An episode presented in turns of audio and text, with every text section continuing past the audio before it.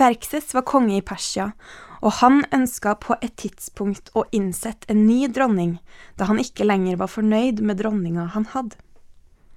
Ester var en jødisk dame som sammen med en gjeng andre kvinner ble plukka ut til å føres til kongens borg, da de her var de fagreste kvinnene i landet. I kongens borg skulle kvinnene bli godt stelt med, og kongen skulle etter hvert plukke ut en ny dronning blant dem her. Kongen ble fort ekstra glad i Ester, og etter hvert ble hun gjort til dronning. Ester hadde en fosterfar som het Mordekai, og Mordekai ba Ester om å ikke fortelle noen om sin opprinnelse. Rettere sagt skulle hun ikke fortelle noen at hun var jøde. Haman var en mann som kongen satt over alle andre stormenn i riket, og Haman skulle alle bøye seg for.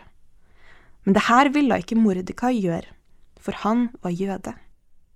Det mislikte Haman sterkt, og han fikk kongen til å godta at alle jøder, unge, gamle, kvinner og barn, skulle drepes, og eiendommene deres skulle plyndres. Dette skulle skje i hele riket, på en spesifikk dag som alle kunne forberede seg til. Da Mordekai fikk høre det her, kledde han seg i sekk og aske, det var sørgeklær, og han gikk rundt i byen og klaga høyt. Mordekai og Ester kommuniserte via noen av Esters tjenestefolk, og Mordekai påla Ester om å gå til kongen for å be om nåde for jødene. Dette ville ikke Ester gjøre, for det var ikke akseptabelt å gå inn til kongen uten invitasjon. Dersom man gjorde det, ville man dømmes til døden. Men da Mordekai fikk vite at Ester ikke ville gjøre som han sa, sa han til henne, Tro bare ikke at du, som den eneste av jødene, skal berge livet fordi du er i kongens slott. For om du tier i denne tida, vil hjelp og redning komme til jødene fra et annet sted, mens du og ditt fars hus vil gå til grunne. Og hvem vet om det ikke er for en tid som denne at du har fått dronningrang? Kongen var så glad i Ester, og det var ikke vanskelig for henne å få tillatelse til å snakke med han etter at hun hadde bestemt seg for å gjøre det Mordekai ba om. Etter hvert fikk hun fortalt at Hamans plan om å straffe jødene også ville gå utover henne, og hun fikk kongen til å heller straffe Haman, mens jødene ble frigjort fra dommen han hadde satt over dem. Jeg har i mange år hørt om dronning Ester uten å egentlig fått vite eller sette meg inn i hvem hun var og hvorfor hun har en egen bok i Bibelen.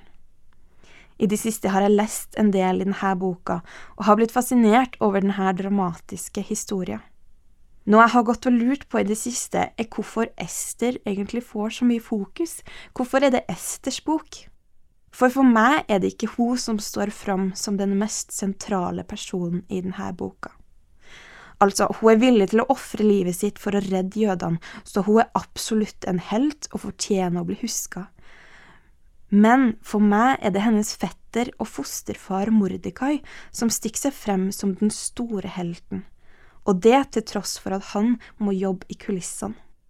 Jeg får nesten bakoversveis av Mordekais tro og tillit til at Gud vil redde jødene uansett om Ester bidrar eller ikke. Det er det ikke noe tvil om.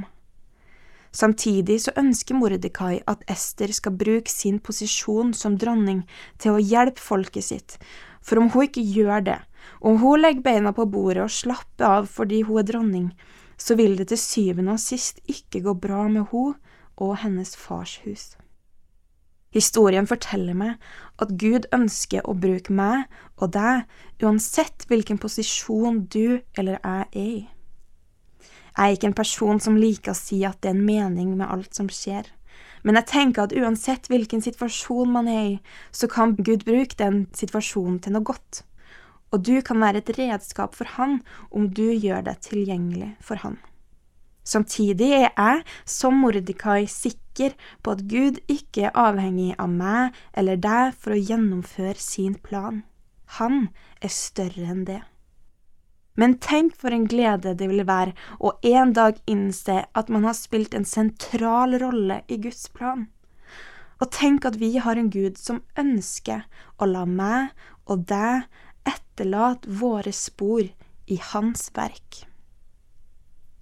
Min bønn i dag blir at jeg skal få så sterk tro og tillit til Gud som Mordekai har, og at Den hellige ånd må vise meg hvilken rolle Gud ønsker at jeg skal spille i hans konstante frelsesplan. Samtidig vil jeg be om å få hvile i det at Gud ikke er avhengig av at jeg er perfekt for å kunne fullføre sin frelsesplan. Og jeg trenger ikke være perfekt for at Han skal elske meg. For min og din Gud har all makt i himmel og på jord, og han har en kjærlighet til sine barn som er større enn noen kan forstå. Det håper jeg at også du kan hvile i i dag. Det sa Randi Strøm Andersen i Overnåpen bibel i dag. Serien produseres av Norea Mediemisjon. Les mer om oss på norea.no.